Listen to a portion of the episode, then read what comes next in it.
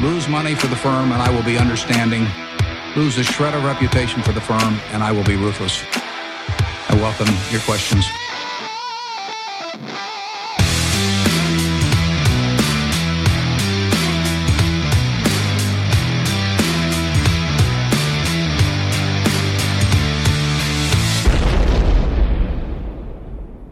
Välkomna till Kvalitetsaktiepodden. Det är jag som är Ola. Ja, och det är jag som är Klas. Det här är avsnitt nummer 55. Spelas in torsdagen den 28 november. Lackar mot jul. Ja, det går undan nu. Mm. Det är ju på tv har det varit reklam nu i tre veckor med tomtar och När man var barn så var det ta mig fanken december som satte startskottet för... ja, senare nästan. Ja, Nej, de kör ju jullåtar nu dygnet runt på Nej, någon sån här eh, hemskt. Alltså. reklamkanal i, i, som är på i bilen när jag inte orkar lyssna på P1 ibland för det blir för deppigt va? Nej, jag stänger bara av radion. Nej, men jag gillar ju det. Ja, jag vet. Fast inte i en och en halv månad. Nej. Mm. Så är det. Eh, avsnitt 55 Ola. Ja, det är kul. Ja, vet du inom numerologin Ola. Mm. Och då undrar alla varför pratar vi om numerologi Ja. i kvalitetsaktiepodden? Det vet ju alla att det är, alltså, det är ju nära knutet till aktiehandel via teknisk analys. Så pass? Ja, ja, Okej. det, det är alltså samma sak. Bullshit. Men där talar man om mästartal då. Jaha. Och då är det de här dubbeltalen 11, 22, 33, 44. 55. 55, kan du några mer? 66. Nej, du, är, du är natural här, faktiskt hela vägen upp till 99 då. Jaha. Det är mästartal. Oj. Och ett mästartal inom numerologin betyder då, och det här är enligt hemsidan ladyKasha.tarotguiderna.se. Är det någon Äh, affiliate? Jag vet inte. Det betyder oftast att du är en äldre eller mycket vis själ med en mission, en speciell uppgift och en specifik begåvning Jaha. som återvänt eller kommit till jorden för att på något sätt göra planeten till en bättre plats med hjälp av dina unika erfarenheter och din kunskap. Ja, för att vara till hjälp för andra helt enkelt, Ola.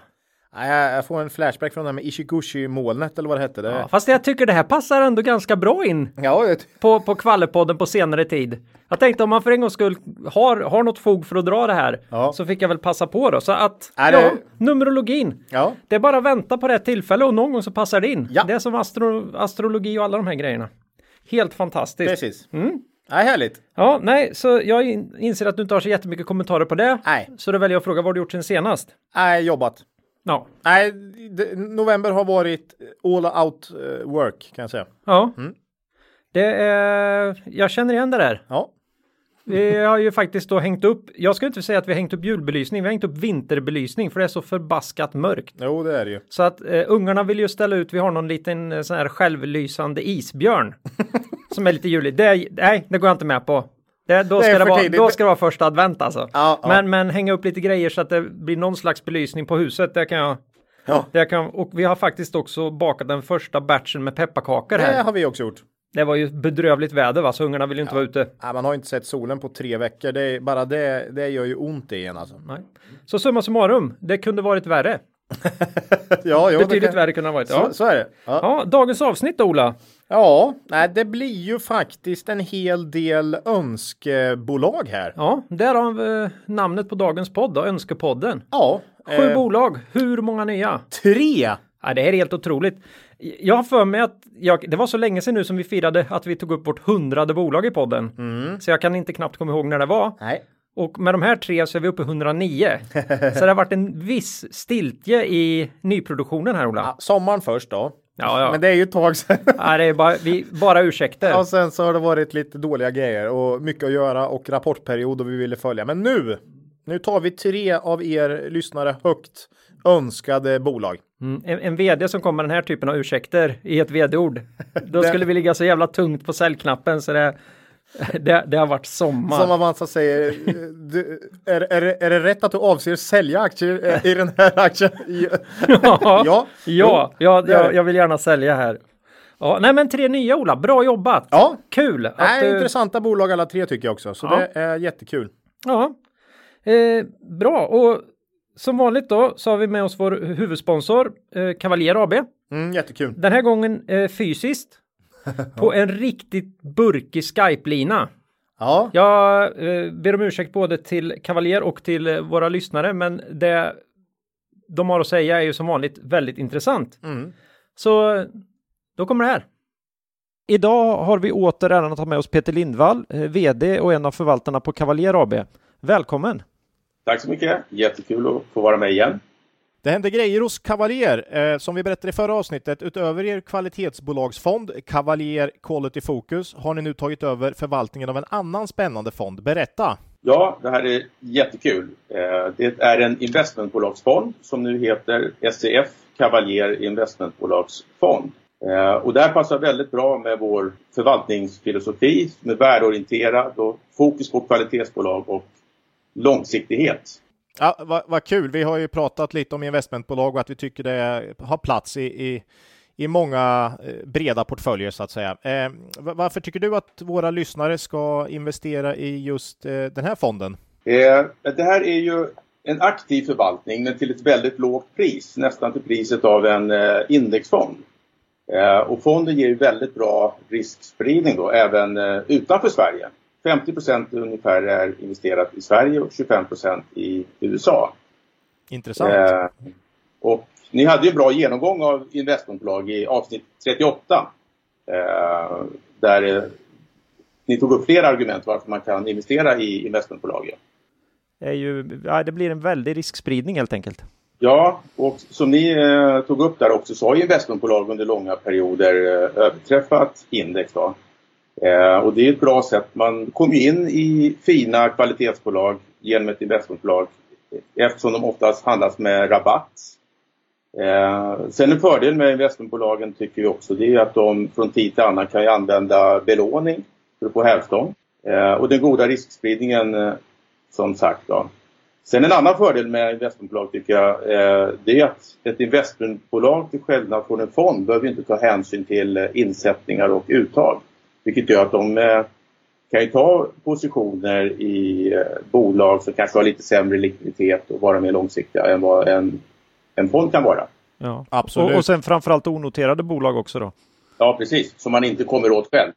Och dessutom har du ytterligare en sak och det är att eh, de ofta, det är ju ägarledda bolag medan fonder snarare tjänar på mycket kapital i fonden så att säga.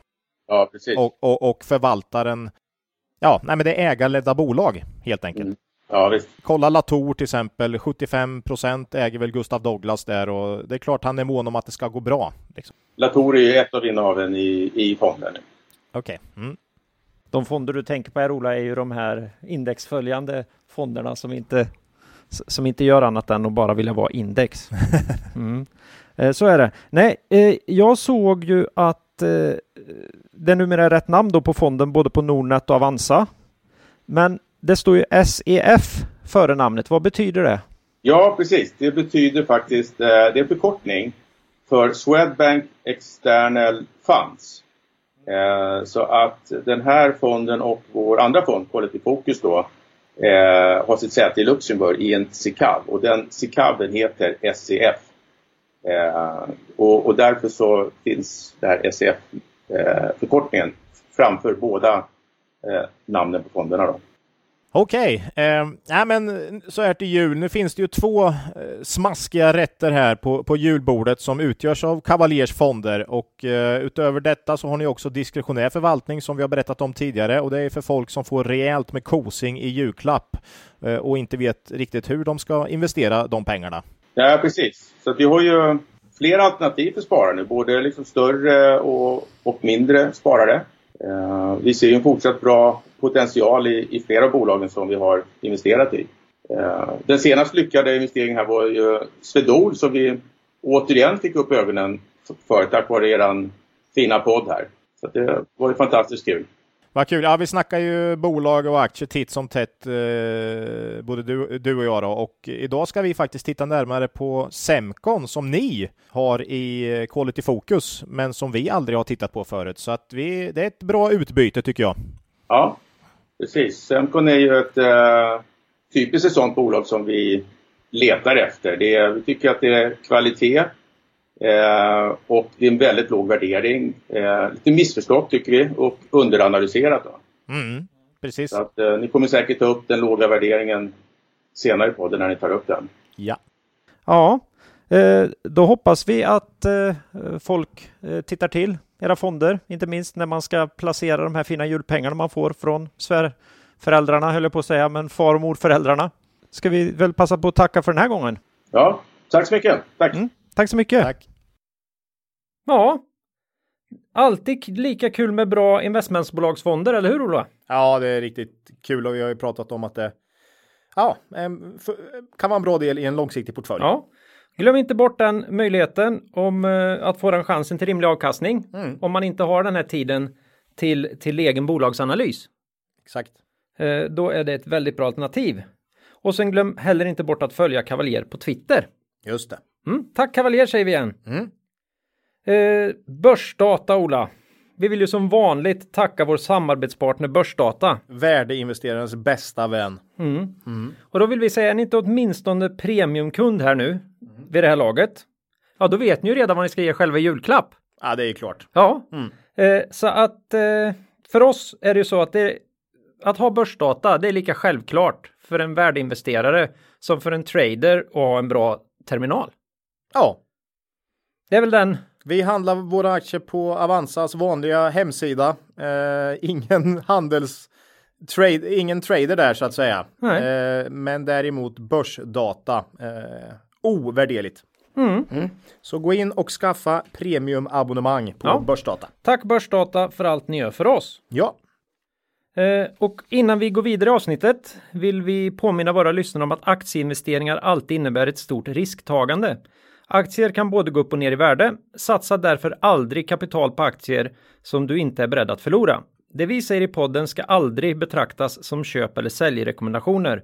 Gör alltid din egen analys av bolagen innan eventuell handel. Mm.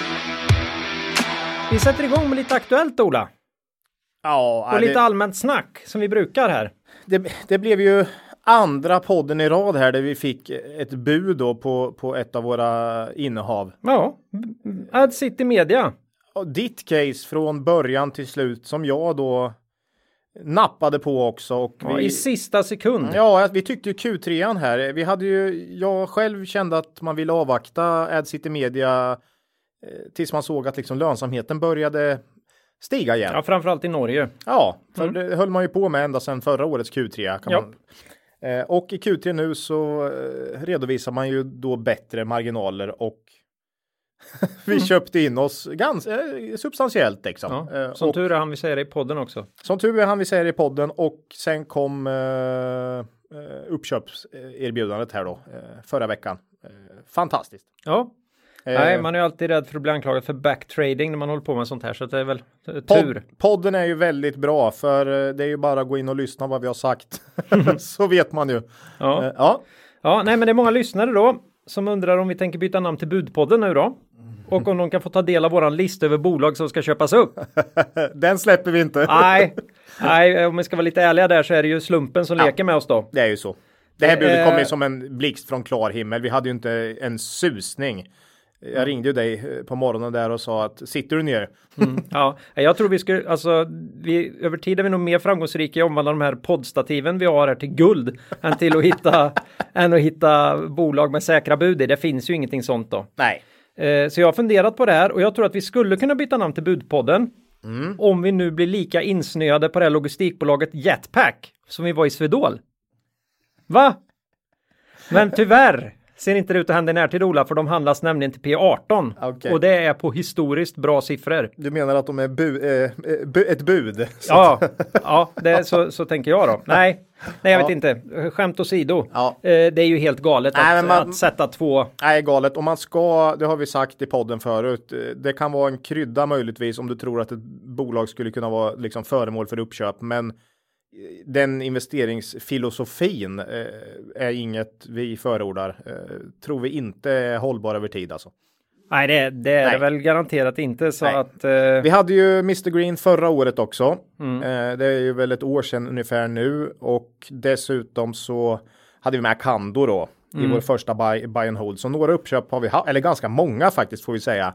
Men innan dess tror jag det var minst fem år innan jag var med på något bolag som köptes upp. Så att vi får ett problem här också i, nästa våra- vecka ska vi gå, gå in på eh, buy and hold då. Ja. Eh, våran årliga eh, uppföljning och ny portfölj och där har ju faktiskt 20% av bolagen försvunnit då i vår eh, ursprungsportfölj. Ja, originalet där. Jul 2017 som den kallas i bredare finanskretsar. Ja, så att det är viktigt att de här åtta kvarvarande bola- bolagen går bra nu alltså. Ja, Ja, ja. ja, och jag hittade ju på innan det, jag tänkte det blir ju aldrig bud. Nej. Det är ju liksom sällan så att jag hittade på en så oerhört komplicerad modell för vad vi skulle göra också. Mm. Vi, vi köper ju fiktivt och andelar. Vi säljer och köper fiktiva andelar i de bolagen som är kvar här. Mm. Och så ska det hanteras på något intelligent sätt. Men det löser vi. Vi har ju Excel nämligen. Så Jo, att, eh, precis. Excel-ingenjörerna fixar det här. Det här var inget vi hade väntat oss alls eh, i Ad City, men jättekul såklart. Eh, Och lite tråkigt. Ja, vi har För ju man mass- ja. Vi älskar ju bolagen. Vi Ja. Mm. vill ju vara med här och, och se dem, se det här hända. Dessutom har vi ju så är det. 50% likviditet nu också på vårt, eh, vår aktiedepå. Mm. Eh, så ja, angenämt problem, men likväl ett problem. Ja, Eh, vi, vi för, lever ju på eh, att de ja. f- får fart på de här pengarna. För de 50 procenten av, eh, avkastar ju just nu 0 procent då. Ja, vi har inte straffränta i alla fall, Ola. Nej, har Nej. vi inte. Nej. För det har man ju i Danmark. Mm. Så är Ja, det. ja. Ytterligare en grej med danskarna. Nej, men eh, som en grej då, för att ta ner oss lite på jorden här. Mm. Du menar att vi har blivit lite kacke här? Nej, jag vet inte, men eh, nej, men det är många som bara åh shit vad grymma ni är och ja, men man får Men det är lätt att det blir en sån stämning på Twitter och sådär. Åh herregud. Ja, Mm. Och lite- slump Ja, men även alltså man känner att man, man får den här lilla det, det är lätt att göra dåliga investeringar när man har gjort något riktigt bra för att man, man, man får lite den här eh, oövervinnlighetskänslan va. Så nu ska du, nu ska du köp, hyra, hyra in någon människa som håller på och viskar i ditt öra att du är dödlig eller vad ska du? vad är det du ska berätta? Nej, jag tänkte att vi, vi måste också tänka på det dåliga vi gör. Vi Ja, måste vi påminna försöker. om o- Ja. Mm. oss. Du vet hur det är när ett, ett lag har gjort mål i fotboll. Ja. Det är då eh, det allra vanligaste tillfället är att du släpper in ett bakåt va? Jag vet. Eh, så att eh, nu ska vi alltså ta våra topp tre dåliga investeringar senaste två åren. Topp tre sämsta här. Senaste tre. Sämsta för att påminna oss om att det även händer. Eh, är du med? Ja. På tredje plats. Mm. Ditt case först och främst. ja. Wise. Oh. Det är eh, Ett bolag som hade ångat på ganska många år med fin tillväxt och bra marginaltillväxt liksom. Mm. och jag kände att jag höll på och kämpade i den här spelsektorn som jag, som du säger, det kommer dröja innan det vänder. Jag säger, nej men det vänder nu, det kan inte, så här billigt kan det inte vara. Oj, nu är det ännu billigare, så här billigt kan det inte vara. Nej. Skulle göra något annat. Tar och går in i Wise. Och De kommer med den sämsta kvartalsrapporten tror jag. Så länge jag har historik, eh, Mm. det enda förlustkvartalet i alla fall. Det bara small till från ingenstans. Och jag tror insiders hade köpt, köpt, också ja, ja. bara några månader Ja, ja. innan. Så att Nej, vi gjorde, jag, man gjorde den klassiken, che- checka alla boxar, titta på lite, ja, den information som fanns som var utanför. Mm. Rapportfloran. Mm. Kändes klockrent. Mm. Eh, Dock lite svajig historik. Det visste vi ju Ja. att ma- marginalen för typ 4-5 år sedan var låg och den hade varit lite upp och ner men ändå jättesvårt att se alltså. Högkonjunkturen ångar på. Ja, nej, det var som en blixt från klar himmel. Mm. Men Wise då på tredje plats. Det, det, det var verkligen timing katastrof. Mm. Och jag sålde inte direkt heller. Nej, För jag kände att nej, det kommer komma ut någonting om det här. Mm. Nej. det blev bara värre. Följde, följde med neråt. Topp två, andra plats då. Mm. Pandora. V- Vem var det som gjorde den? Ja, men där var ju jag också med. Jo. Eh, Så, så den får vi Men nog. där, gick- där släppte ju du tidigare då. Du gav ju upp mycket, mycket snabbare än mig. Ja, där går vi upp väldigt fort, men ändå Mm. ner 5% kanske eller något sånt tappar jag. Men du hängde ju kvar här. Det här var ju value trap. Mm. eh, Fällan vi gick i här båda två. Eh, Oj, P7 Jag hade snittinköp då på den. Först gjorde jag ju en bra affär med ganska lite pengar. Sen hade jag ett snittinköp med väldigt stor del. Vi brukar prata 15 procent ungefär. Jag låg nog tyvärr till och med lite över det på 490 tror jag hade i snittkurs. Och vägra gå ur. Fick nog 380 i snitt när jag gick ur då. Ja, det är ju ändå bättre än dagens 270 eller vad den står i. Ja. Ja, men eh, Ja, ja. nej, det är Pandora, nummer två. Mm. Nummer ett. Det är alltså ett år och tio månader sedan tror jag ungefär. Mm. Eh, This is all you. det här är jag. Mm. Net Entertainment. Oh. Och där hade vi en ganska rejäl stek när bokslutskommunikén för 2017 släpptes i februari 2018. Mm. Köpte in mig under jul där, var väl lite glöggfryntlig. Ja, Nej, det var jag inte Ja, det var lite depp under jul där så man kunde få rätt bra priser som man uppfattade. Ja, och det var också insynsköp och eh, presentation sent i Q4 med vd. Kommer jag ihåg som var positiv och ja, insynsköp. Jag tänkte det här kör vi på och släppte alltså bokslutskommunikén och den här jättelånga raddan med fina fin tillväxt och lönsamhetsförbättringar vände abrupt neråt just det här kvartalet. Aktien var väl ner 25 procent eller något på en dag. Mm. Och eh, jag sålde omedelbart där. Mm. Eh, så back 25 procent på den julglöggen. Mm. Ja, eh, så så den, den har väl drabbat oss hårdast. Men det är ju som sagt nästan två år sedan nu. Mm. Så man måste påminna sig själv om det här. För då och då gör man ju de här riktigt usla investeringarna. Ja. Eh, Och det vanligaste faktiskt. Jag pratade med en kompis om det just det faktiskt häromveckan. Som, när, han, när han ringde upp mig och så, så sa han att Kom ihåg det nu Ola, att när man är på toppen, det är då man ofta gör de sämsta investeringarna. Så att därav gör vi den här. Ja, Mycket och, för oss själva. och därav 50 likvider då. Det finns ingenting som passerar dit. Mitt, mitt stenhårda fisknät just nu. Nej, nå- Nej. nålsögat är trängre än vanligt. Så, det Ja. var topp tre dåliga investeringar vi gjort sista två åren. Ja, Mm. några av dem har vi ju redan berättat om i podden. Så att eh, det Ja, här är ju ingenting, vi, ja det hoppas jag. Ja. Men det är viktigt att påminna både oss själva och eventuella lite nyare lyssnare. Så om, är det. Om att vi kan inte veta allt. Vi vet faktiskt egentligen väldigt lite och det, så är det också med bolagsledningarna. Precis. De har också väldigt mycket tro ibland och, Ja, och väldigt lite. Netent här och, och även Wise då. Eh, och SCR som vi har pratat om ja, det här också. Det, det är ju Blixt väldigt från klar himmel. eh, kort framförhållning man kan ha ibland. Så Mm. att, Ja, det om det. Nu får vi lämna budsnacket och eh, hybrisen. Ja, och eh, hoppa på bolag då. Sju stycken ska vinna med. Ja. Tre nya. Hoppas ni tycker det här är eh, kul. Ja, vi börjar ju eh, med ett nytt då. Ja. Eftersom vi fortsätter och tills vidare tills någon hittar på varför vi inte ska göra det kommer vi köra i bokstavsordning. Ja, Det blir så mycket lättare att hitta. ja. Eh, och då är det ju det här fantastiska bolaget då. Christian Berner Tech Trade AB. Det, här är, är du ju- uppe och är tampar med Sarsys ASFT som... det är som ett namn som väcker frågor då. Vi kan väl säga för, först att de här säljer tekniska lösningar som kräver högt tekniskt kunnande. Mm. Lösningar och produkter. Eh, men när det här namnet, Ola, Mm. Christian Berner Tech kallas de ju fo- folkmun. Ja, men det är ju ett bra namn. Det skulle Ja, jag, det skulle jag varför heter de inte det? Ja, men det var ju, ja, men vi är ju trade. Ja. Vi måste, alltså det, det styrelsemötet när de höll på att bråka om det här, Ja. hade de uppe det på stämman. Blockerade namnet liksom all annan verksamhet i bolaget. Man undrar. Ja. Men till slut kom de fram till den absolut sämsta kompromissen jag har sett i alla fall. Eh, Christian Berner Tech, Mm. Tech Trade. Trade Det är så, ja. Så är långt. att, ja, så heter det. Eh, ja, precis. Det här är ju en teknikhandelskoncern då, grundat 1897. Det är du Claes. Mm. Familjeägt.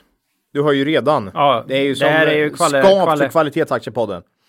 Eh, man äger ju inte produkterna här riktigt, utan man är ju egentligen eh, partner och återförsäljare faktiskt. Och installatör, eh, service och så vidare. Men de har ju gjort uppköp, de produkterna. Ja, men de Det är nej, också de, återförsäljare de, Ja, köpt. precis. Fast på pannor och grejer då. Ah. Så att det är faktiskt partnerskap med 150 leverantörer här.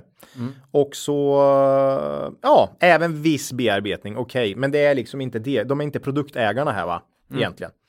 Eh, Sverige står för drygt 70% av omsättningen. Så väldigt Sverigetungt. Mm. Resten är i övriga Norden. Så att det, det är ju här, helt klart.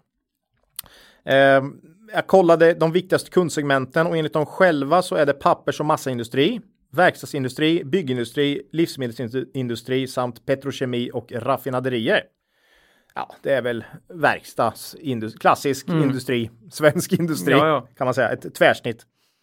Eh, Jag tycker liksom inte den här tioårshistoriken när man går in på börsdata och kollar imponerar särskilt mycket, i alla fall före 2018. Och det är ju ganska nyligen. Ja. Eh, Då man gjorde ett, vad jag tror, ett väldigt, väldigt viktigt förvärv. Innan dess var lönsamheten ganska, nej den var inte alls bra, liksom svag lönsamhet, men det här förvärvet då, Sander och Ingeström, den ökade omsättningen i ett slag med typ 30% och dessutom rejält mycket bättre lönsamhet i det bolaget.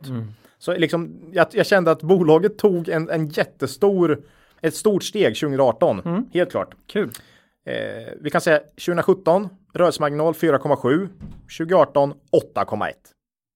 Och det är liksom när man ska egentligen ha de här kostnaderna för inkorp Ja. in inkorporera och sådär. Ja, inte bara att man köpte ett, ett bolag med väldigt bra lönsamhet. Det har tydligen gått extremt bra under det här året också. Lite VBG-vibbar och det här Climate Control som de köpte. Grymt bolag som har gått.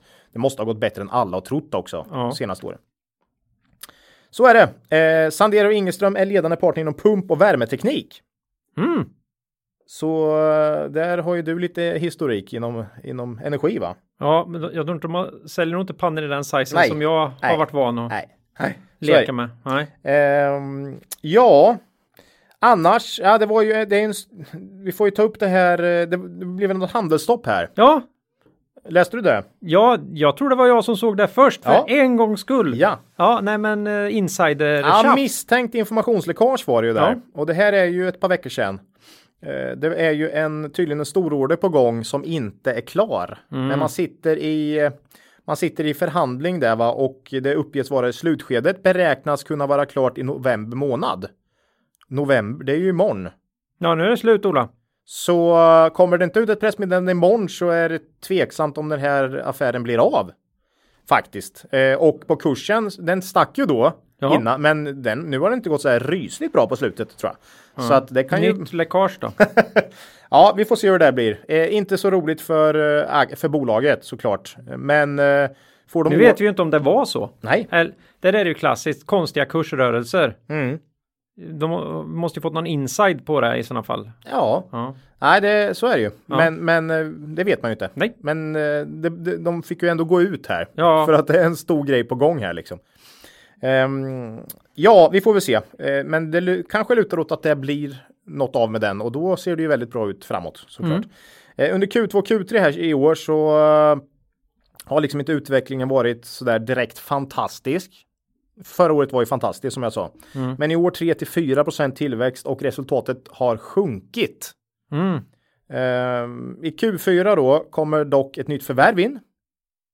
Första som man gör sedan det här för ett och ett halvt, två år sedan då.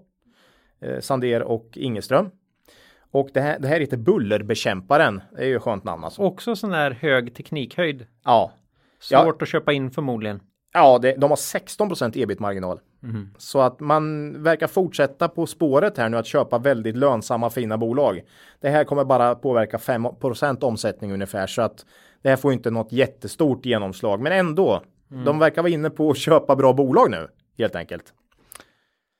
Eh, jag tycker det är lite svårt att prognostisera 2020 faktiskt. Kommer jätteorden in så Ja, så ska ju säkert det ut mycket under 2020. Mm. Men det, det vet man ju inte än. Och, och nu är ju snart november slut här.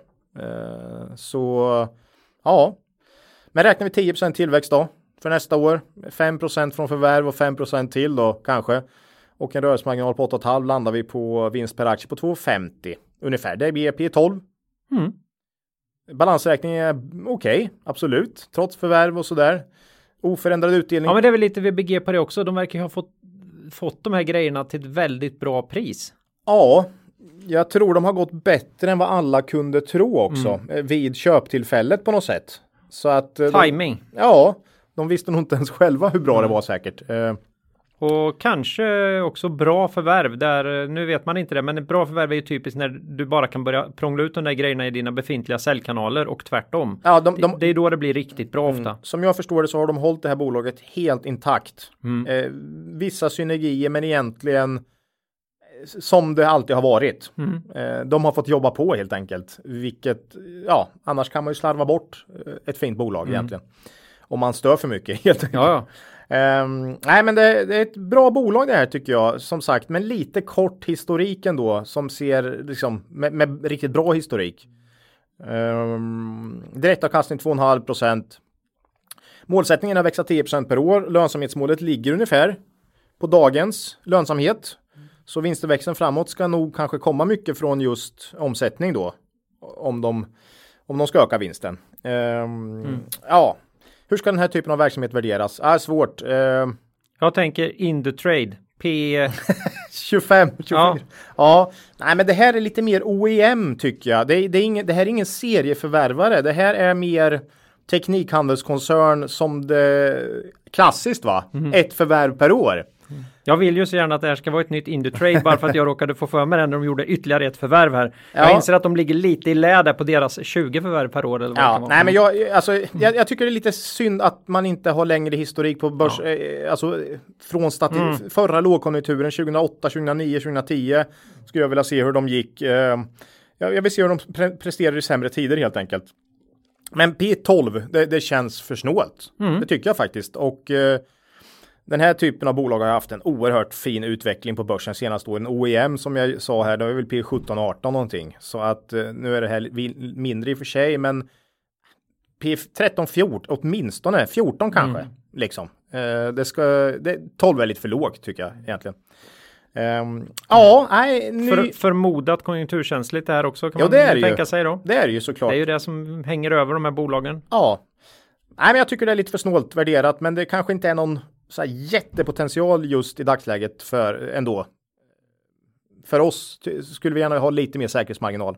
Mm. Men ehm, och, och liksom just det här att man inte riktigt vet vad som händer i sämre tider eh, på grund av historiken här så eh, Och sen bolag som så orderstyrt på något sätt. Det känns som att det här, den här, det här läckaget där gällde en enskild order egentligen. det är ju största någonsin by Jo, far. men, men nej, att, det, att det överhuvudtaget kan ligga ordrar i den sizen. Ja, Det är ju ofta lite skrämmande för då vet man ju att det kan gå åt båda håll. Så att det säga. kan gå åt båda håll. Ja. Så det är väl också något som, som gör mig lite sådär. Nej, men jag, jag tycker Nervig. Ja, P12 känns lite snålt om man tänker alla risker och, och så. Men 13-14 då. Så, så lite Ja. högre bör det nog värderas. Men det är inte tillräckligt för att liksom vi ska kasta oss eh, Ja, över. vi är ju inte ägare här. Vi är inte ägare, men ska definitivt försöka följa Ja, bolaget vi tar med det i rullorna. framöver. Ja. Det är väl Ja. värt att nämna. Ja, Det här ska vi hålla koll på. Eh, och tack från ly- flera lyssnare som har önskat Christian Berner Tech. Mm. Eh, intressant, fint bolag som definitivt platsar in här med tanke på allt. Ja. Så kul! Ja.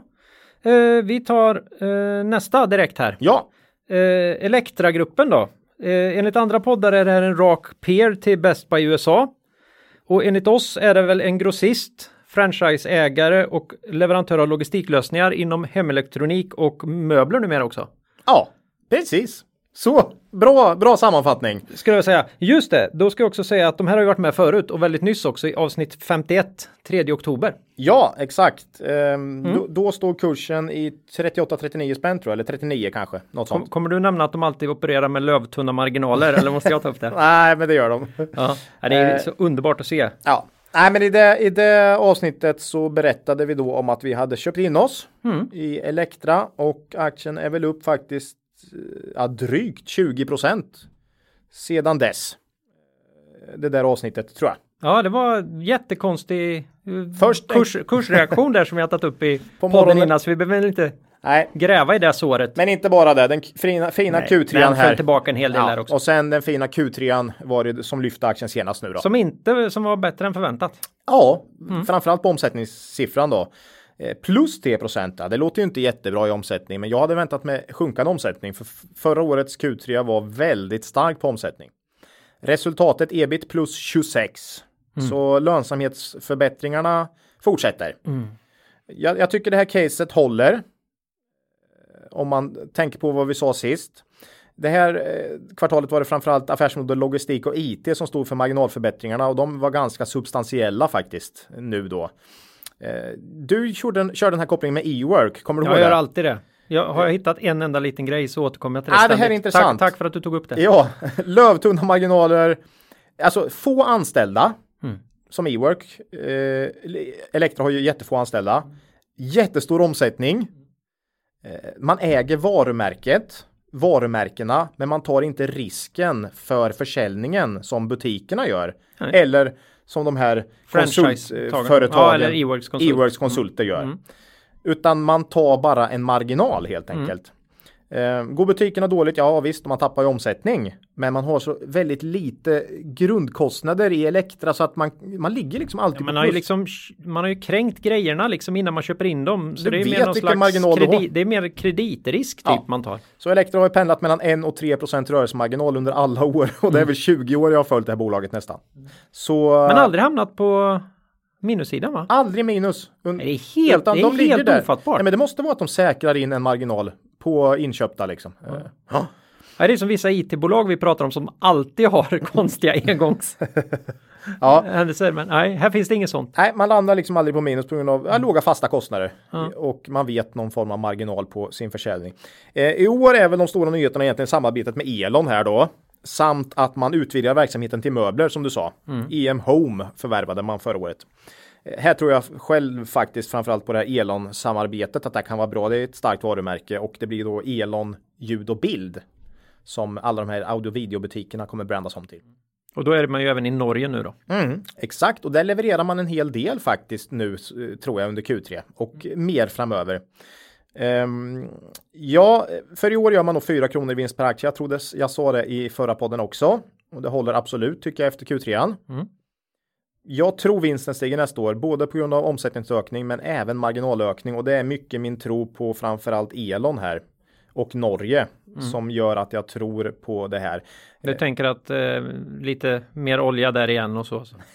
Ja, nej, men även också att eh, jag, jag tror att det här kan lyfta försäljningen i de här butikerna. Elon har ett ganska starkt varumärke känner jag i, i Sverige eh, eh, och eh, ja, dessutom har du EM Home också som eh, man tror på mycket och där man även tror på bättre lönsamhet som jag förstår det. Eh, ja, säg ska säga 10% till i, i vinst nästa år kanske. Det är Mm. inte alls orörligt. Ja, då har vi P10 ungefär. Eh, ja, lite drygt 10-11. Eget kapital per aktie är nästan 40 kronor och aktien står i 47 så, och man har en stark balansräkning så att det, den värderas lågt helt enkelt. Eh, Ja, vi, som jag sa, vi köpte in aktien i september här på 38-39 kronor, aktien upp 20% Vi har ju kvar aktier här. Ehm, ja, vad vi pratade om då också var ju mycket utdelningen. Mm. Får vi inte glömma. Det här är ju ett sånt här klassiskt utdelningscase som brukar komma igen vid, vid jul. När tidningar och andra börjar snegla på starka utdelningsfavoriter och eh, här tror jag att man höjer utdelningen till 3,50. Mm. Man har aldrig sänkt när vinsten har ökat ett år och den ser ut att öka i år. Så jag tror faktiskt man höjer lite grann och då blir direktavkastningen 7,4 procent. Väldigt starkt när räntan är noll då. Ja, det är...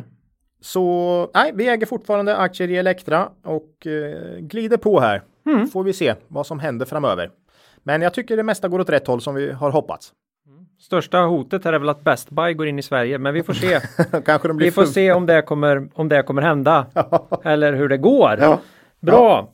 Eh, så är det. Hela den här Best Buy-grejen är kraftigt ironisk för Ja. den som inte har hört den andra podden. Såklart. Så är det. Eh, vi hoppar vidare. Ja, Ätteplan. är det Finland? Pra- ja, pratade vi om ganska nyligen faktiskt. Av, avsnitt eh, 50, 18 september här. Mm. Det här är ju en finsk eh, teknikkonsult. Som är aktiv som specialist inom de flesta teknikbranscher. Det är helt, de, de måste ha jättemånga konsulter. Jag har inte, pratar vi om det? Hur många de är? Det måste vara jättemånga. Nej, det har inte Nej, du nu koll har jag på. inte det framför mig. Nej, det är flera tusen måste det Ja, vara. ja, för, det för är de, det är ju, de är överallt. Ja, ja. Överallt. ja. Eh, Fin klassisk industri. ja, vi pratar om det här avsnitt 50, 18 september. Mm. Sa du det? Ja. Bra. Ska jag säga det en gång till? Nej. Nej, okej. Eh, nej, men en liten kort uppföljning här. Eh, För eh, nej, vi har fått frågor om det också, kan inte följa upp på etteplan här. Eh, och som du sa, en väldigt spridd konjunktur, eller list, eh, blandning av kunder. Det är ett jättetydligt tvärsnitt av nordisk industri. Skulle jag säga. Så ja, Ja, men det är gruvor, det är skog, det är papper, det Ja. är energi, det, det är Ja, kraft över för allt- allt möjligt. Tillverkning, allt. metall, ja, medicin. Ja. Eh, Finland 70 procent. Förlåt, du menar life science? Ja, det kan man För, säga. för alla lyssnare där ute. Ja, han är lite så gammal ibland. Ja, ja. Nu, nu kan du fortsätta. Finland 70% Sverige 20. Så eh, ja, Ett bett på på, Finland. på grannen i öst då. ja. Ja, Q3 var ju bra här. Omsättning plus 17 Mm. Dock bara inom situationsteck citationstecken. Förlåt. oh, det, var, Det har vi fått. Oh, där Ja. räddade du oss. Tack Ola. Ja, man säger det av gammal vana. Mm. Citationstecken. Eh, organisk tillväxt 5 Mm. Ebit justerat för engångsposter plus 32. Åh herregud. Eh, Det var ju bättre än vad jag trodde. Ja, Mm. hoppas det var så. Ja. Nej, men stark eh, tillväxt och eh, antalet anställda växte med 13 procent. Mm. Eh, man håller kvar guidance för helåret och tror på en eh, significantly eh, growth i både eh, omsättning och vinst för helåret. Det låter ju bra. Det låter bra. Det här managed services som man har som mål att komma över 65% på. Det är mer så här helhetsåtagande mm. och så. Det är faktiskt för första gången över 60% så där är man nära sitt mål nu då. Faktiskt. Eh, imponerande. Mm. Man kliver liksom in och blir en, en oersättlig kugge i företagens kärnverksamhet. Ja, bättre marginaler också. Man får, man får liksom tillsätta de kompetenser man själv tycker och då kan man ju ibland viss, ja, bättre förhandlingarna, resurs... förhandlingarna går, går, går ut på att de skickar sitt nya pris till kunden. ja, Nej, men man kan ju få en bättre resursfördelning in, internt antar jag. Man kan mm. sätta ja. Så äh, imponerande. Balansräkningen är väl okej, okay, inte mer. Uh, ja, den är okej. Okay. fortfarande bättre än OF och Railers här som är de svenska mm. uh, uh, konkurrenterna. Mm. Motsvarigheterna. Uh, vinst per aktie då uppskattar 0,75 0,80 för 2020 euro. Mm. P 12 13 ungefär. Och det är ju det är långt, ju, långt, långt nu. mycket billigare än de svenska motsvarigheterna OF, Sweco och Railers. Det är ju P20 på dem. Mm. Så att, eh, nej. Eh, Etteplan, det är ju klart mer intressant än de Finlands, svenska. Finlands sak är vår, Ola. Ja, nej, men, men då tycker jag ju inte att OF och Sweco ska värderas till P20. Okej, okay, där kom det. Mm. Så att det är ju snarare det som är galet. Railers tycker jag inte heller ska värderas till P20, men det är hävdar ju de som kan bolaget att vinsten ska explodera så att eh, det låter jag väl vara osagt. Men Sweco och OF ser ju ingen eh, explosion i vinst nästa år. Så att eh, nej, etteplan mm. faktiskt. Intressant tycker jag. Eh, aktien upp 12% sedan vi pratade om bolaget i september. Äh, som vi sa då, vi gillar etteplan men vi äger inga aktier och synd är det. Ja, får man ju säga. Det hade varit mycket bättre om vi hade sagt att vi hade ägt aktier och gjort det också. ja, det har vi inte gjort. Eh, och vi har inte gjort den vare sig före eller efter någon podd. Här. Det är någon form av konjunkturrädsla vi går omkring och bär på hela tiden här. Ja, det är det underliggande och dessutom står det på våran stora whiteboard här arbetstagarjul har vi skrivit mm. upp. Det vet du. Ja. Eh, numera också har du gjort någon sån här fin board runt och satt pilar som pekar mot den där. Jag tror att, att någon är lite sugen. Nej, jag har varit intresserad av flera konsulter sista tiden, men eh, ja, konjunkturen och den här katastrofala eh, Julhelgen, jul, julledigheterna här gör att jag gärna väntar in Q4 innan jag köper konsulter. Mm. Mm, så är det. Ja. Det om Etteplan. Eh, också jäk jäkligt, väldigt intressant tycker vi. Men vi äger inga aktier. Nej, på grund av arbetstagarhjulen inte minst. Precis. S eh, det var dem. Ja. Eh, Europris. Det, det var, var länge sedan va? Inte igår och det var ju då det här eh, lite skarvade eh, 17 maj avsnittet. Vi upptäckte att vi skulle spela in en podd 17 maj 2018. Min och det fru var dessutom avsnitt, år ja, 17 maj. Ja, och det var dessutom avsnitt 17 så då var, jo, så det var ju Norge, Norge special då. Ja, det var ju klockrent. Ja, ja, vi kastade, vi kastade ju in Färöarna i det där också då. Eh, ja, just det. Men, men Europris var uppe då. Mm. Då kanske man också skulle ha köpt kan jag tänka. Nej, det har inte gått så där lysande det faktiskt. Har inte det. Man bara tror det då. Ja. Eller man jag är en man som tror det. En person, förmodligen hela Sverige, går omkring och tror att Europris har gått bra. Ja. Det känns ändå som att jag tycker att deras rapporter på sista tiden varit bra. Nej, sista var bra. ja, det här ja. är lågprisvaruhus med bas i Norge. Ja. De har ett inköpssamarbete med ÖoB i Sverige och Tokmanni va, i Finland. Ja. Just det. Ja, eh, och det är deras peers kan man säga. Men köpte de inte Togmani förresten? Eh, eller nej nej, det var det nog inte. Men nej, de, de, de, köpte 10 procent ja, de köpte 10 procent av ÖB. Ja, men det har de gjort. Ja, men de, de liksom... Mm. Nej, de är väldigt nära varandra de här. Ja, det, är de. det, det var det jag ville att folk skulle förstå att det är. Om man, om, om, ja. Mm. om man inte är norsk eh, och inte har varit i, i Norge så har man nog inte sett de här butikerna. Men, men de var ju i Sverige en sväng vet du, men de ja, drog sig tillbaka, tillbaka, för ett antal år sedan. Ja. Tänk ÖoB. Mm. Det, det, vet man ju ändå, mm. de flesta. Eller Tokmanni då. Eller Tokmanni om man är finsk då. Mm. Ja, nej, men nu går vi till vårt västra grannland här istället då. Ja. Och eh, det har inte varit en rolig ett ro, en rolig vår för Europris-ägarna. Nej. För Q1 och Q2 var allt annat än bra. I Q1 skyllde man på påsken och i Q2 hade man inget att skylla på. ja, ja nej, det var... Mitt försvar är att vi har ju inte följt de här. De har ju halkat av listan. Ja. Men eh, du lyfte upp dem igen här nu. Jo, nej men Q3 small verkligen till här nu alltså. Eh, aktien är dessutom upp 30 procent sedan den här rapporten, så det var inte bara jag som tyckte den här rapporten var var chockerande bra så att säga. Eh, omsättningen upp 9 eh, ebit plus 54% Lite engångsgrejer, men nej, ruggigt starkt faktiskt får man säga. Det ska ju inte vara möjligt, inte i Q3 heller. Det är ju liksom inte tomten som har kommit på besök, för det, det kan ju hända i retail. Ja, ja, ja. Man ligger rätt i julhandeln och så, Nej. hur fasen gör man det? Nej, men alltså, vi har ju pratat lite om det här att av gammel, gammel retail mm så är det faktiskt de här lågpriskedjorna som som har klarat sig bäst. Man beställer liksom inte 40 konservburkar på nätet sådär utan mm. Det är de här lagerlokalerna där du går och köper storlager av, av, av burkar och pappersmuggar och eller hur? Ja. Så, så nej, det, det, här är något. Hela den här branschen har faktiskt gått starkt. Mm. Eh, trots allt. Eh, Ja, man fortsätter öppna egna butiker i Norge. Man trodde inte det fanns, fanns. mer plats, men eh, det finns det faktiskt. Däremot stänger man ner franchise. Så man, kom, sista två åren har man minskat antalet franchisebutiker men ökat egna då. Mm. Eh, ja, nej, jag ja, kolla på 2020 här nu, försökte räkna på vad jag tror. Svårt att tro på någon sån här ruggigt stark tillväxt med tanke på jag vet inte, det måste komma från marknaden då, för jag, så mycket nya butiker öppnar de ännu inte. Nej. Så ja, men jag, 2,50 satte jag i vinst per aktie för 2020. En jämn och fin siffra. P 12,5 13. Eh, nej, det är väl inte så. Det är ju ganska stabil verksamhet faktiskt. Eh, nu är det ju ganska svag balansräkning ändå får jag man säga. Det, för man skulle kunna tänka sig då att det skulle kunna komma tillväxt i form av förvärv då. Ja. Vi pratade om två bolag Ja. Eh, lite out of the blue här som skulle kunna vara aktuella. ja, men, ja. men eh, det har man ju inte finanser till. Nej, nu, nu är det ju dock faktiskt. Den är inte riktigt så dålig som det ser ut att vara. Nettoskulden ebitda på börsdata är 3,6. Men här, den här IFRS-effekten har ju fullkomligt raserat hela Europris balansräkning.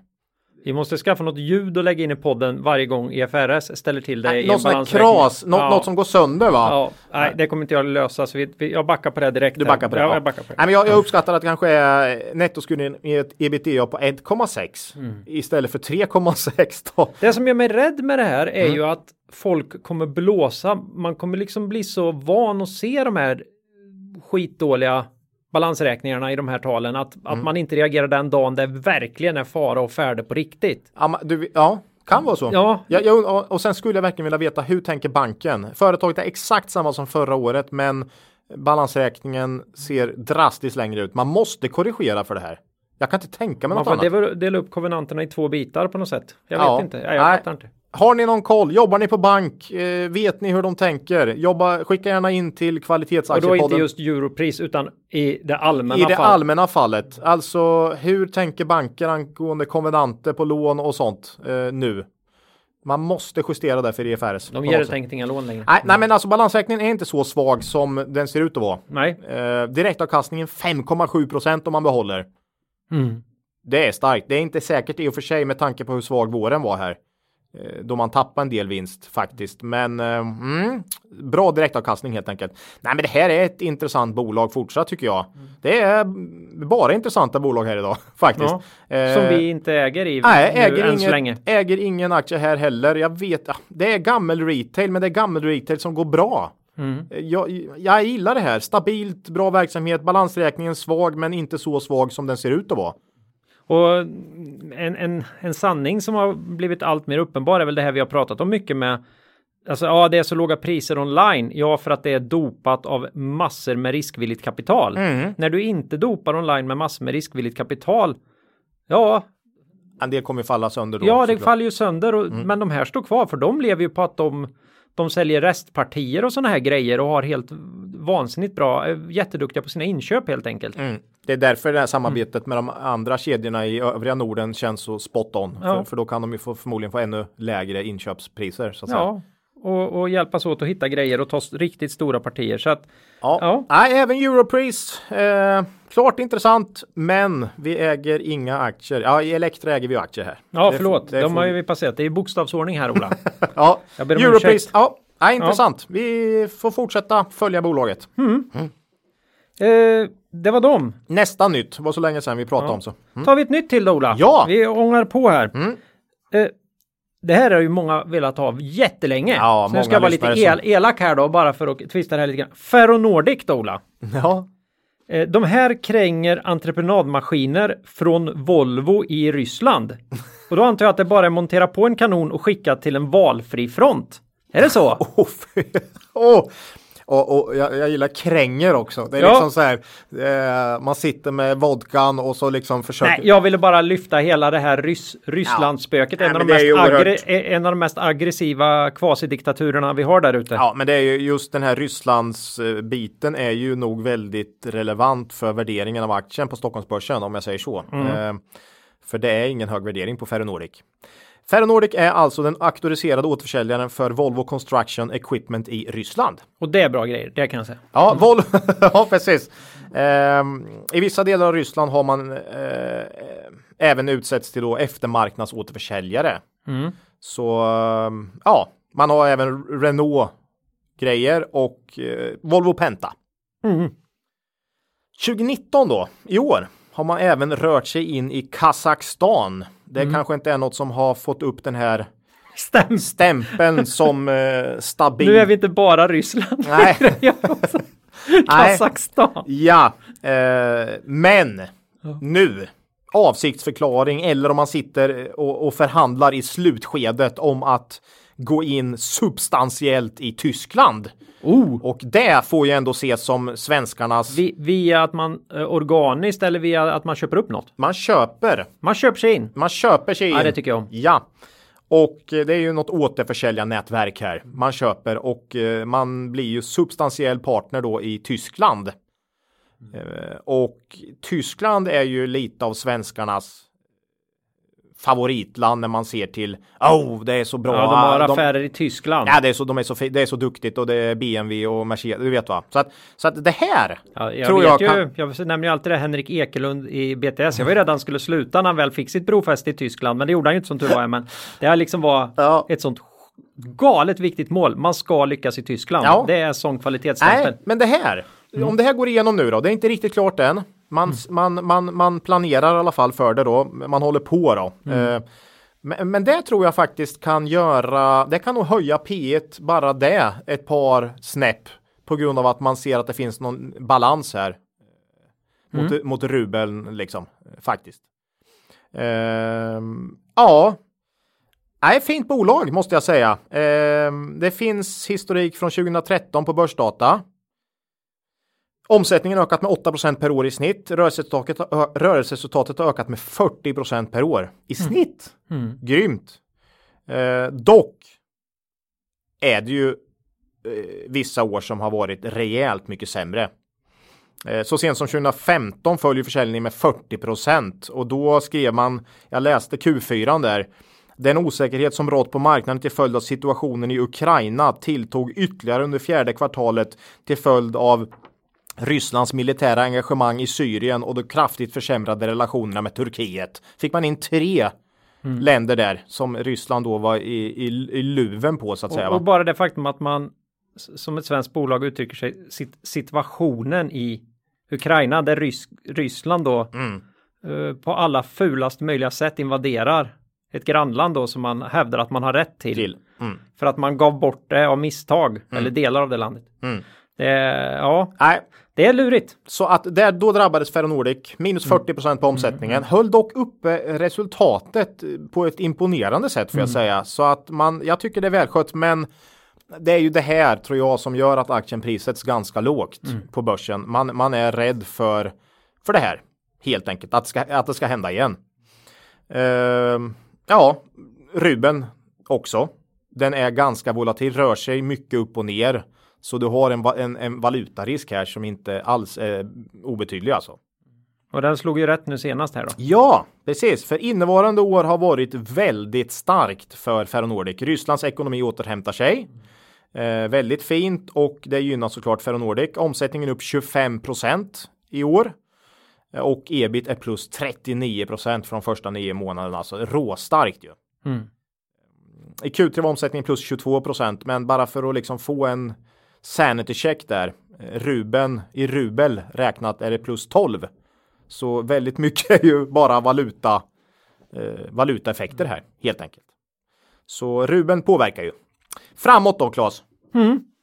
Q4 var brutalt förra året. Det var så brutalt starkt. Tillväxt på 70 procent. Resultatet steg med 125 procent.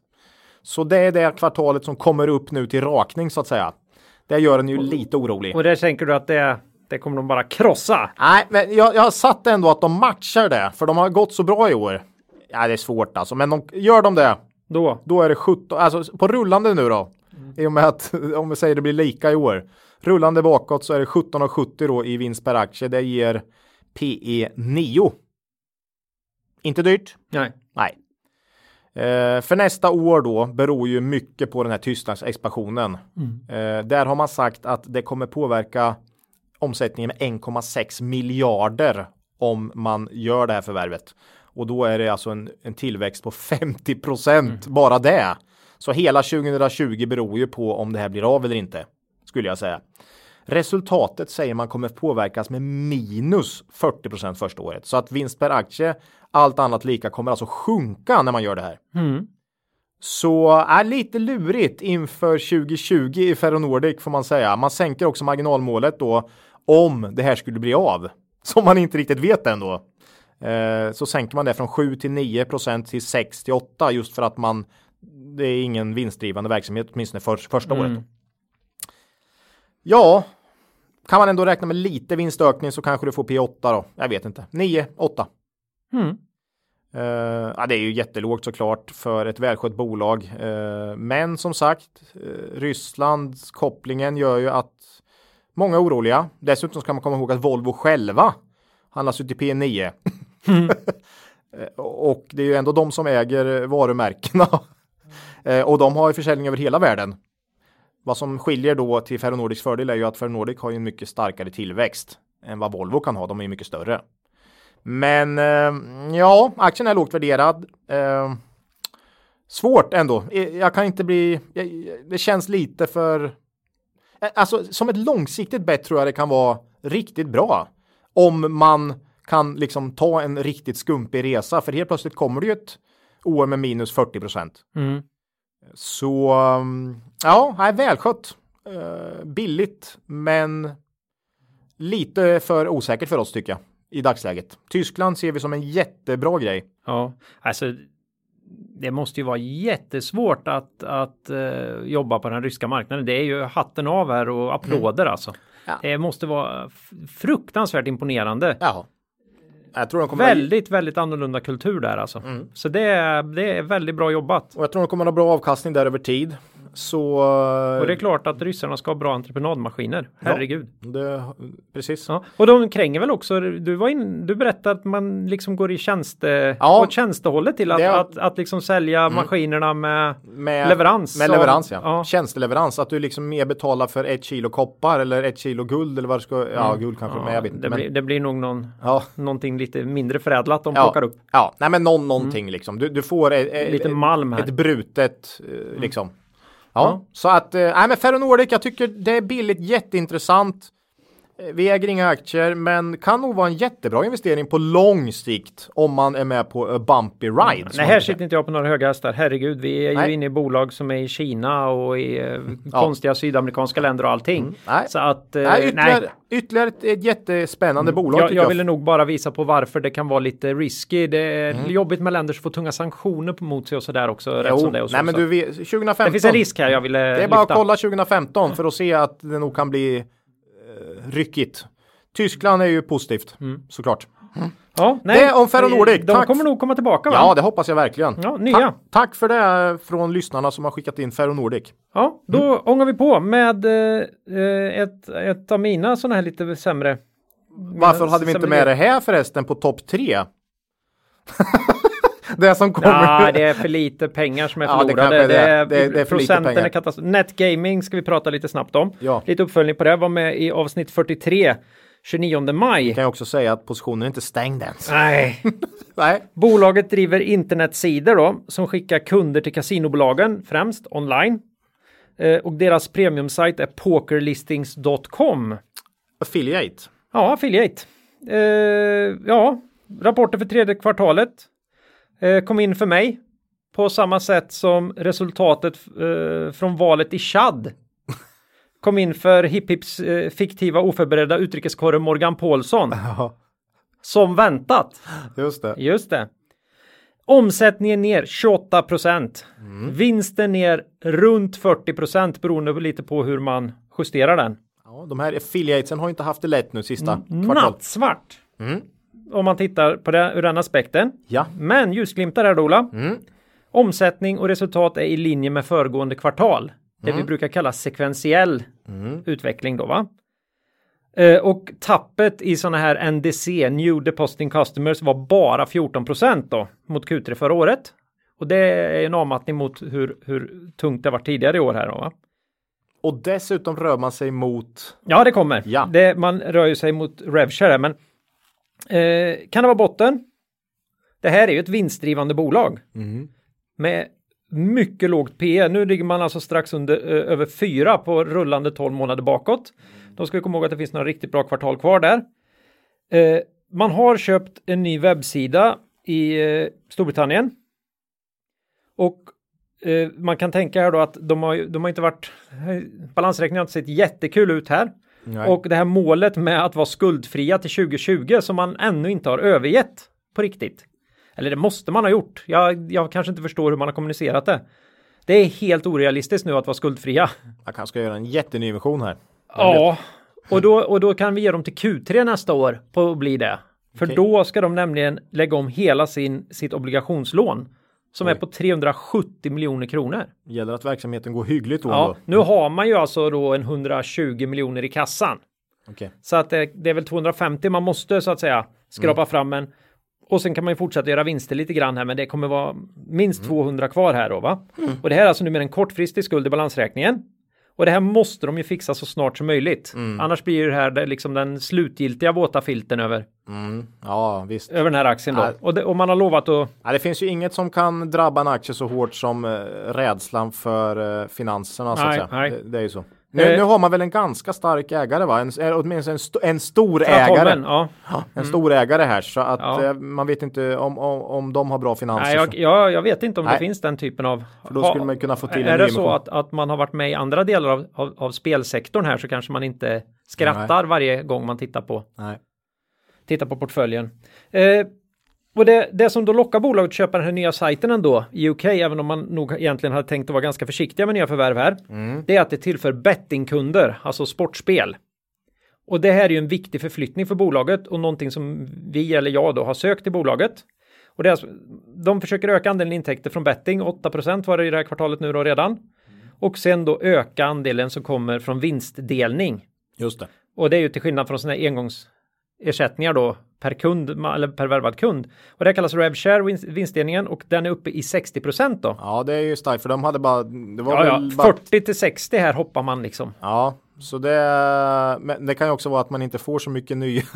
Ja, ja fast det har, det har ökat också. Så att, Okej, okej. eh, och enligt konferenssamtalet då så är man ju nöjd med det här. Och det förstår jag för att det är precis som du säger att för dem handlar det nu om att behålla 60 procent.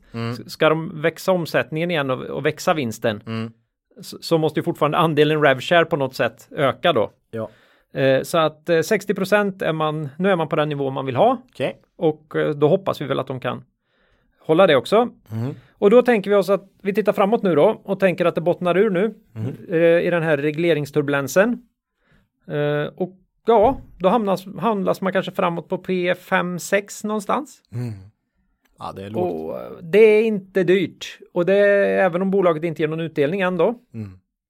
Så att... eh, Men ja. Raketech är ju nästan där va? ja, det är ju en PR kan man lugnt säga. Är väl i nivå värderingsmässigt. Ja, så att, eh, och har bra mycket bättre finanser. Ja, ja. Så att, eh, Mm. ja. Man tror nog, det är, någon, marknaden tror inte på den här affärsmodellen nej, helt nej, det enkelt. känns nu. så. Ja. Catena Media har ju Ja. Det är den största peeren. Ja, har ju verkligen Ja. gått, gått svagt på börsen. Ja, jag har kvar en tå i vattnet här. Ja, det är en vä- skärva, väldigt lite. En skärva Ja. av portföljen bara för jag vägrar realisera min förlust. Eh, och eh, ja, och det, och det man kan säga minsta strul med den här refinansieringen. Mm. Och, och vi kommer återfinna det här bolaget i den allra mörkaste delen av källaren när det kommer till Mm. Ja. bolag på börsen alltså. Ja, Eh, får man inte det fixat så är det nej, ju... binärt blir det här på något sätt. Det, blir- vi brukar inte gilla noll eller ett bolag, men eh, ju, ja, med, om jag- man får gissa så tror jag de löser det, om inte annat med ägartillskott och sådär. Men eh, det vet man ju aldrig. Jag tror ju på ledningen här. Det är, där, det är det som är jobbigt för mig. Det, man har köpt och man har fortsatt köpa. Nu har man inte köpt på slutet. Nej. Men eh, det finns ingen som har sålt in i det här i alla fall. Så att, Nej, vi får se. Det är, Ja. Mm. Revshare är ändå Revshare. Det är ju på något sätt återkommande då. Ja, det är ju det man söker då. Att man Så fortsätter de här eh, kunderna att spela så Mm. fortsätter pengarna att ticka in. Så så är det. Eh, vet jag inte hur långa Revshare de tar med. Nej, men det brukar vara långa, väldigt Ganska långa långa, avtal i spel, långa spelbranschen. Mm. Ja, Ja, det om eh, Net Gaming. Det var ingen sådär jätte Det var ingen upply- klang och- upplyftande. nej. Nej. Och att i samband med det då börja sä- behöva säga att vi äger aktier här. Jag vet att det är ont i dig, men jag vägrar. Ja, men det är så pass Vägrar lite så att även om det skulle gå Jag tar, ännu sämre så, ja, jag går så, till så, noll. så gör det inget. Ja, Mm. och, och det här är emot allt. Mm. Allt vad vi eh, står för normalt. Ja. Vill jag bara påpeka. Ola skulle aldrig Nej. någonsin göra så här. Nej, Eh, men så är, så är det. precis. Ja, jag, jag, jag vill hålla koll på det bolaget. Då- Jag, jag tror på det på något sätt i, i, i det långa loppet. Då tar vi dagens sista bolag. Mm. Också önskat av lyssnare. Semcon. Ja, Mm. Eh, Det är en teknikkonsult som brukar beskyllas för att bara vara underleverantör till fordonsindustrin. Och då är det bland annat jag då.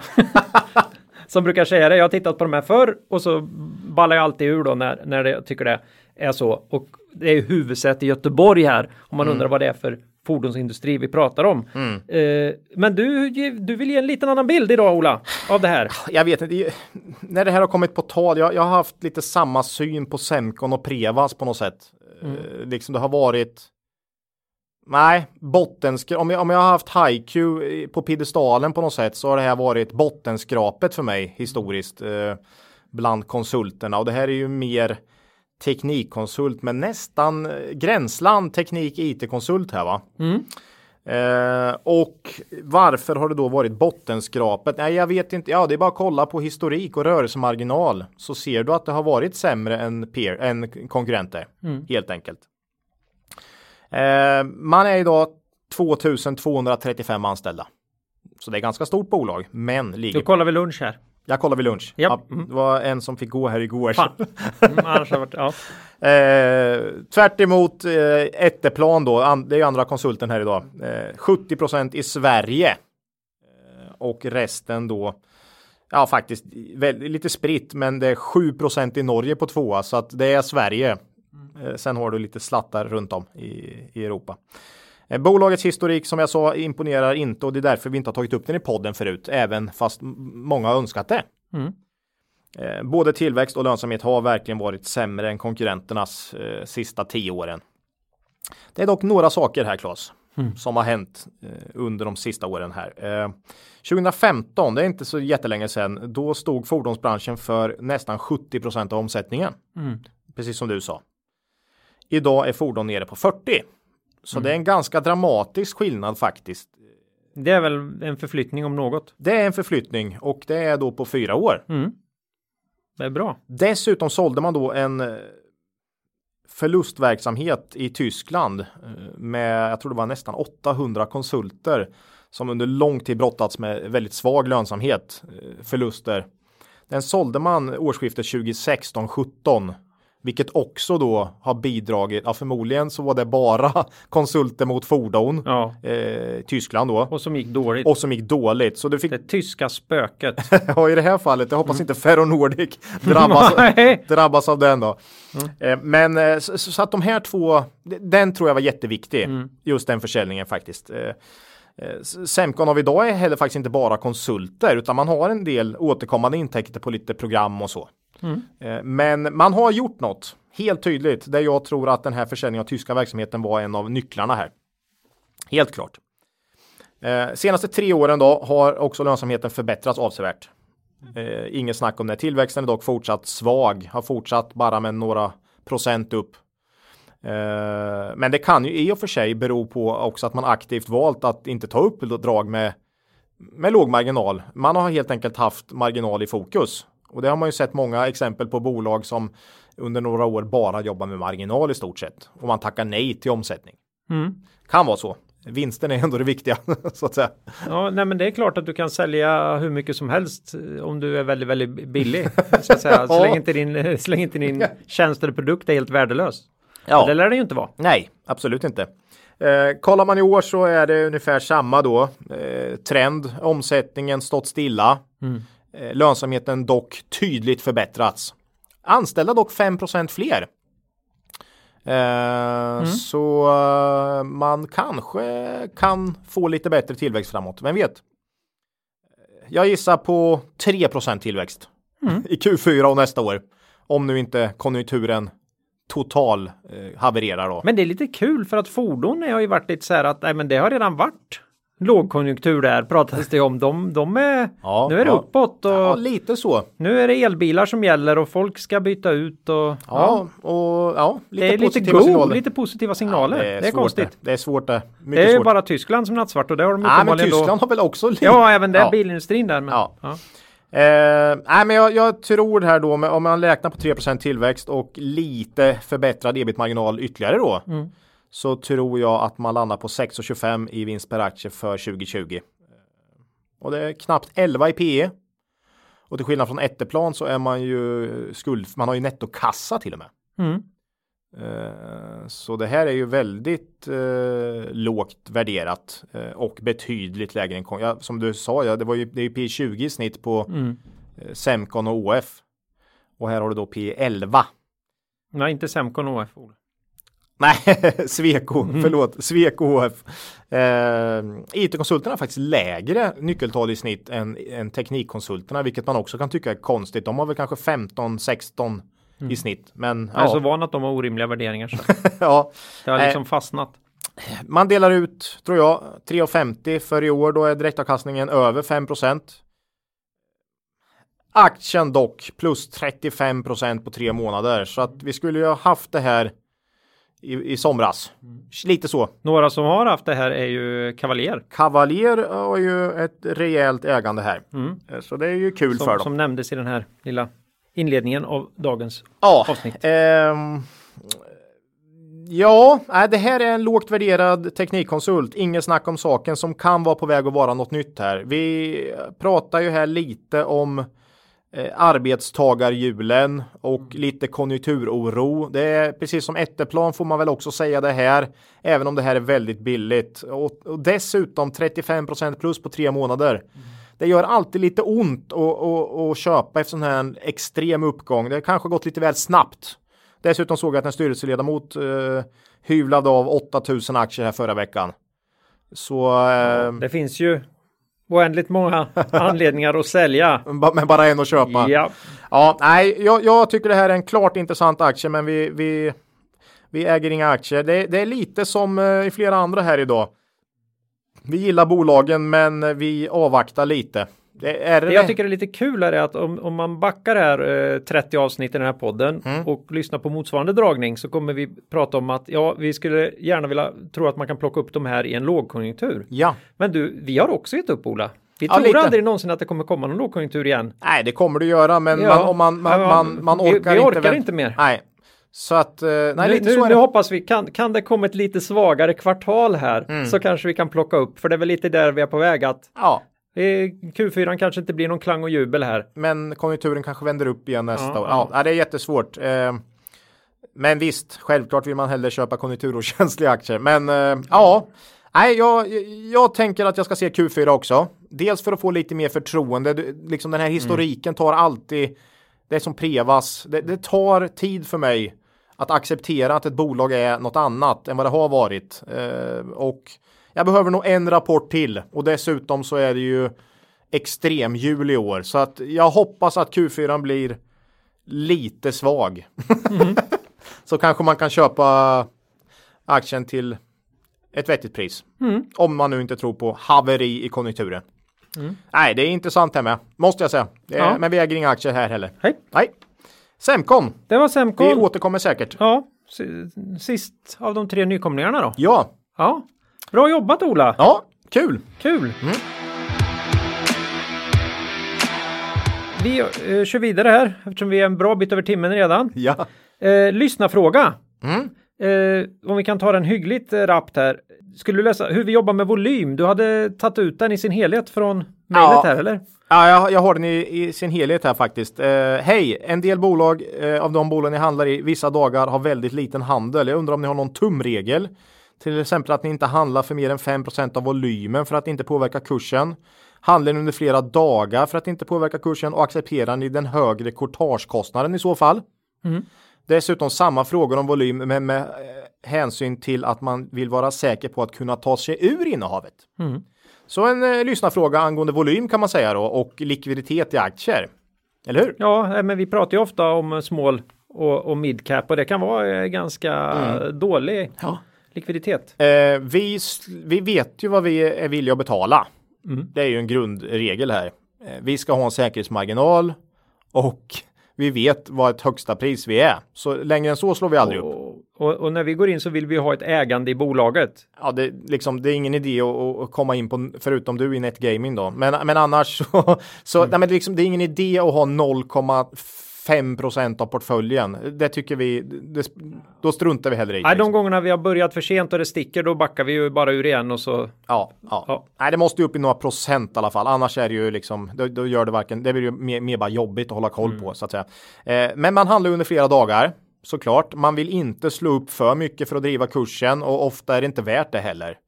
Eh, man kan slå upp ett par procent. Det brukar kunna trigga lite säljare faktiskt när de ser att en aktie är på plus. Mm.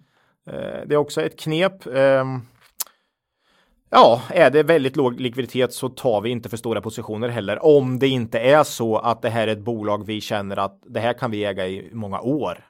Eh, och vi tar en, en position där vi inser att vi är fast för lång tid och följer med den långsiktiga eh, utvecklingen. Vi går ju inte in om vi inte accepterar att vi blir fast. Nej, så är det. Så är det. Men, men, men eh, vi tar ofta en, en, en mindre andel av portföljen i den här typen av bolag än om vi skulle köpa ett, ett mycket ett större bolag med bättre likviditet. Ja, det påverkar ju sizen, men det brukar vara lite självreglerande det, Det där också. Ja, ja, för du kommer inte över så mycket aktier till, jobbigt, till liksom. en, en rimlig kurs. Så att, ja, det är ett svar. Ja, det var, det var in då. Ja, ut. Eh, nej, det bryr, ja, nej, vi bryr oss inte så, eh, nej. Det är bara att vänta på bud. Vi, Då blir det jätte, jätteomsättning. vi skulle ju inte vara störska sa vi ju. Ja, men det var ju den här Ad City Media Ja. tekniska analysen. Den har du retweetat på Twitter va? Ja. Ja, den är helt Nej, fantastisk. typ, nej, bara likat. Ja, vi borde retweetat den. Ja. ja det är Ja, det- helt fantastiskt va? Ja, det kan vi göra efter Jag podden här. märkte det att det kan ha hänt något fundamentalt i aktien såg de där. Ja, roligt. Det var stor omsättning. Om det inte var humor, men vi får Ja. se. Nej, det går inte att vänta på bud. Det Nej. är bara att... Nej, det är bara att, att acceptera. Men alltså, säker på att kunna ta sig ur? Nej, eh, det är vi inte. Det är vi inte. Utan, eh, Och särskilt inte om något otäckt börjar hända. För och som jag brukar säga, allt har ett pris. Du kommer alltid ur. Frågan är hur låg kurs eh, faktiskt. Eh, så att eh, ja. nej, vi, vi tror vi mycket på ett jättelitet bolag så kan vi nog ta en position där vi inser att vi är fastlåsta under lång tid och glider med bolaget. Men ofta så blir det I inga med och motgång. i med och motgång. Men oftast blir det inga jättepositioner i de här små bolagen. Nej, Så kan vi säga. Ja, det är om det. Det var den. Hoppas eh, det var svar på frågan.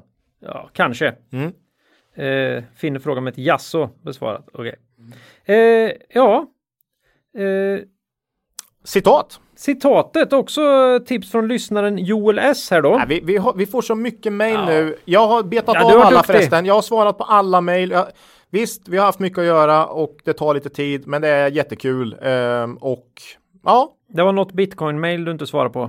jo, jag har svarat på det med. Svarar du till och ja, med på ja, det? Ja, ja, visst, jag svarar Nej, det på är helt otroligt. Och om Du vi inte kan svara så svarar vi att vi inte kan svara helt Ja, enkelt. den är bra. Ja. Den är bra. Mm. Ja. Eh, Nej, men eh, det här var Joel S. då som sagt var. En eh, citat från en ny bekantskap i podden och för oss. Det är bara att erkänna. Folk tror ju att vi har koll på alla de här Mm. Nej, nej, nej. stora tänkarna då. Och det här är mest... Stora tänkarna, Det är som mest- är Platon. Ja, liksom. jo, men det är det ju. Mäster, mästerfondförvaltaren och den eh, fundamentala investeraren Anthony, eh, och han kallas väl eh, Andy, Deden. Deden, ja. Mm.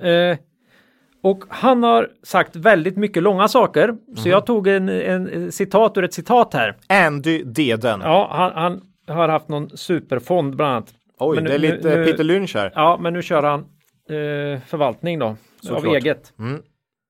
Eh, och han säger så här. It's not important to be looking for opportunities. What is important is to acquire an understanding so you can recognize the opportunities when you see them.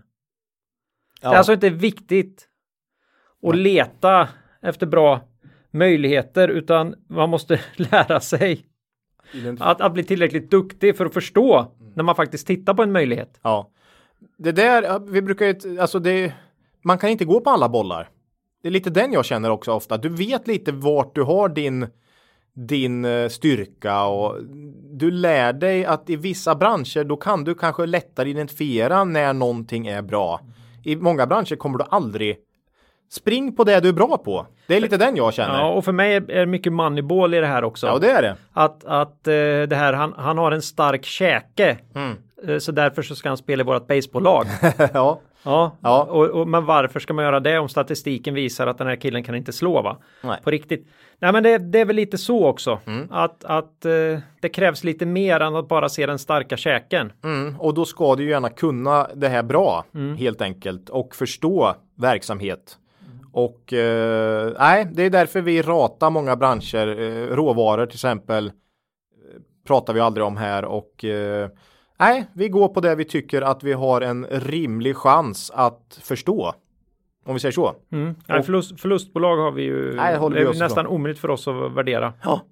Så eh, Ja, det, nej men i- bra, ny Ja. bekantskap. ja. Intressant. så nu, nu, nu får de konkurrens här Buffett och i Lynch. avsnitt 55. Ja, bäva månde. Ja, vi ska fortfarande få till lite mer citat från eh, kvinnor har vi sagt då. Ja. Har en på lur till nästa gång faktiskt, men Ja. eh, vi får se. Det, det är bra. Det jobbiga är att det är nästan aldrig några tunga investeringsprofiler då. Men eh, vi, vi kämpar på. Ja, Eh, nästa avsnitt Ola. Mm. För vi börjar närma oss slutet här. Då brukar vi alltid prata om nästa avsnitt. Och det är ju våran julklapp till lyssnarna. Torsdag den 12 december. ja. Då kommer den. Årets buy and hold Buy and avsnitt. hold, buy and hold julen 2019. 19. Våra tredje eh, buy and hold avsnitt då. Vi har gjort ett varje år här runt Lucia och eh, brukar vara omtyckt och nästan våra mest lyssnade avsnitt. Mm. Så eh, ja, hoppas det blir Ska vi dra någonting om det här med gör alltid din egen analys? Nej, jag orkar inte. Det, det, det kommer också i samband Ja, med det. ja precis. Nej, men det, då tar vi fram tio bolag som vi tycker är intressanta som långsiktiga investeringar Just nu. just nu. Precis. Eh, så är det. Ja, och då ska vi också följa upp våra andra två eh, buy and hold portföljer som vi har tagit fram här för Ja. att se hur de har gått. Ja, det blir spännande. Ja, Men eh, innan det så kan ni gärna mejla oss eh, på kontaktet kvalitetsaktiepodden.se. Mm. Eh, ni kan kommentera på Twitter Mm. eller kommentera på hemsidan kvalitets, kvalitetsaktiepodden.se. Jaha, slutligen Ola. Något eh, riktig makro eller TA nej, värt att ta upp idag? ingenting. Nej. Har du något? Ja, det här med teknisk analys. Ja, det gillar du ju. Ja, jag, eh, jag tog inte upp det vad som hände, men jag skulle ju byta ut min diskmaskin, vet du. Ja, jag, jag Den, paj, den pajar ju va? men- Termostaten räknar på det där, insåg att det är 2000 emellan och dra igång en väldigt osäker reparation av en 12 år gammal maskin. Eller köpa en nu, ny nu då. Du hade väl en Mele förstår jag? Så Mele ja. Jaha, ja. men då ska den hålla mer än, en, Ja, det ska, ska det. hålla mer än det ska 12 det. år. Det ska vi hålla mer. Men Ja. Mm. det här med teknisk analys. Det hade ju varit bra då, för jag vet ju att det var trångt va? Jag hade ju lyckats göra det här utrymmet mindre än 60. Det är jag som har byggt det jävla köket. Mindre än 60! Ja, eller 600 säger vi här. Förlåt alla byggare där ute. Jag, nej, jag ber så mycket om ursäkt. Jag gjorde det mindre än 600 och det var för att diskbänken var 2 mm för kort. Och jag hade ett skåp som skulle dit och en, och en sida. Vad skulle jag kloss. göra? Det blev, kloss. det blev ju bara... Ja. Ja. 598 kvar. Så jag vet att jag fick fan pressa in den där jävla diskmaskinen. slå in den med hammare. Och sen nu då så skulle jag göra ut den här. Ja. Den satt stenhårt fast Ja, det och det är jag. då jag skulle gjort teknisk analys. Ja, vadå? Nej, jag kände, nej men den har, den har hängt sig i sidorna här. När jag satte dit den för 12 år sedan eller 11 år sedan, då hade jag ju små barn. ah. Då skulle jag analysera huruvida jag hade skruvat dit ett tippskydd eller inte innan jag började bända i den där. oh. Okej, du hade skruvat fast den. Mm. Du hade skruvat fast maskinen. Ja, det var tur att jag i min upprördhet där sa till min fru att det är fasen som man den är fastskruvad den här. Och insåg då att ja, det är den ju. Och efter att jag skruvade bort dem så, Så gick det. ja, jag fick ta i lite fortfarande. Men det var inte kofots hårt. Nej. Eh, Och diskbänken har överlevt hyggligt. Okej. Och ing, ing, ingenting eh, sprack där på väggen. Nej, och ing, ing, ingen kom, Så till, det här med ingen kom till viktigt skada. att alltid göra en teknisk analys Ja. innan ni börjar demontera saker i era kök vill jag bara säga till Ja. lyssnarna. Bra. Ja, det var, eh, det var väl det va? Ja, Eh, ägande. ja du. Elek- El Elektra och du hade en skärva som du sa i Netgaming va? Mm. Eh, ja, så är det. Så innan vi bommar igen, Mm. gå in på eh, Cavaliers hemsida och titta till dem. Eller, och börja följa dem på Twitter om ni inte redan har gjort det. Och sen så ska vi också flagga lite för det här eh, att vi eventuellt ska köra en aktiepub här Ja, i eh, Linköping tillsammans med Market Makers-podden den 12 december. ja, Och, på eh, kvällen där. Ja, ni, vi kommer tweeta om det där och ni kan också gå in på Market Makers eh, Hemsida. hemsida eh, eller Twitterkonto och kolla. Mm. Eh, hoppas att många kommer dit. Det blir under väldigt... Ja, den här gången blir det bara häng. Det blir häng. Mm. Eh, en klassisk aktiepub. Öl och aktiesnack helt enkelt. Mm. I Linköping. Ta med era bästa idéer och kom dit. Ja, så Ja. det vill vi tipsa om. Bra Ola. Då vill vi säga hej då för den här gången. Och kom ihåg, Det är först när tidvattnet drar sig tillbaka som du får se vem som badat naken. Lose money for the firm and I will be understanding. Lose a shred of reputation for the firm and I will be ruthless. I welcome your questions.